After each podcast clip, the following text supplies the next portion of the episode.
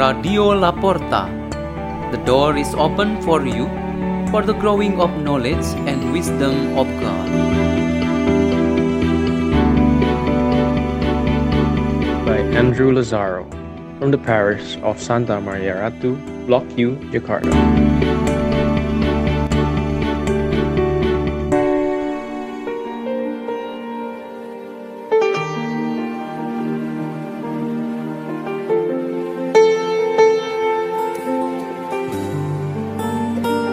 Reading and meditation on the Word of God. Wednesday of the 18th week in Ordinary Time, August 5th, 2020.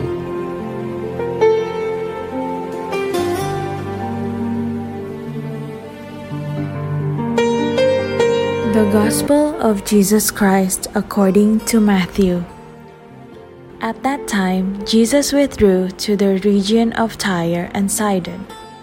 And behold, a Canaanite woman of that district came and called out, Have pity on me, Lord, son of David.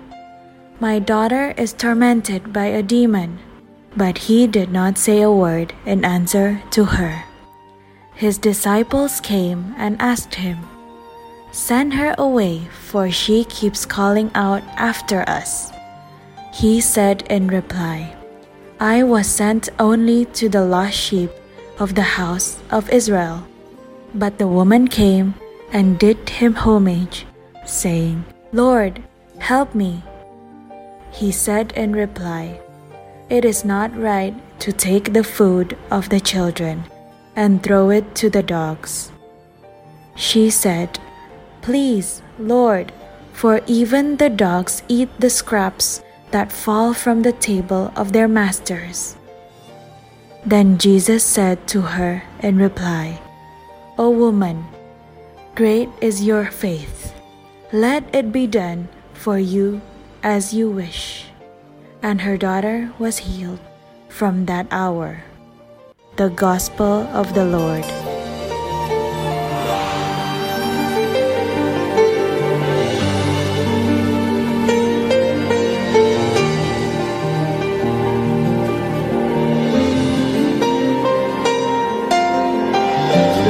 Our meditation today is God hears our cries.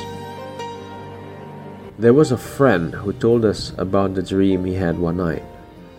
In his dream, he found himself tempted by Satan, who took him to visit various places. Satan showed him several very pleasant and wonderful places in the world. Then, Satan told him that he must decide to live with him, and all these wonderful things seen during their tour would be guaranteed during the man's lifetime. The man is assured that he will have a happy life with no boundaries.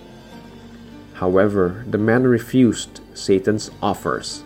His reason is because his family, his friends, and himself already belong to God Almighty, and that it's better off for Satan to go and look for others that fit the bill. Satan was so enraged by the man's reply and threatened to destroy him. Then, Satan brought him right to the edge of a cliff, and the man could see the endless abyss before him. Satan threatened to plunge him into the depth of the abyss as punishment for defying him. When the man was falling, he cried out for help, screaming the name of the Lord Jesus on top of his lungs. Immediately, there was an angel of God with strong looking wings, more powerful than that of Satan's. The angel held him and brought him to land, safely in his own home. He survived the power of Satan, and he woke up from that dream. He has defeated Satan. God should be the destination of our complaints and our cries, whether it be an, an expression from within our hearts, verbally, or even when we cry out in despair. There are so many people who cry out for help from this world's torments, and God hears each and every one of them, always ready to give His response. We always complain, call out, and even shout His name, perhaps when we are weeping and pleading to Him. Hence, we are actually very dependent on Him and His compassion. From today's Gospel reading, we witness the story of a non Jewish woman who cried out for help to Jesus and received the help she needed. Her faith in Jesus brought healing to her son, who was possessed by an evil spirit. Our cry to God is really important and urgent. It is as urgent as when we ask for help from other people in a desperate and pressing state. There are many urgencies calling for our attention, such as natural disasters, accidents, illnesses, hunger, and many other tragedies around us. As children of God, we should not be reluctant and passive in asking for help or in being open to provide the help for those in need. Do not let our cries remain unheard and do not ignore the cries of those around us. Let us pray.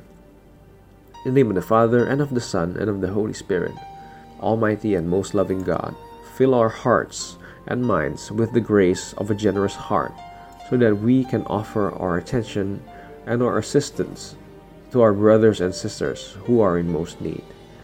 Glory be to the Father, and to the Son, and to the Holy Spirit, as it was in the beginning, it is now, and ever shall be, world without end. In the name of the Father, and of the Son, and of the Holy Spirit. Amen. Radio La Porta. The door is open for you.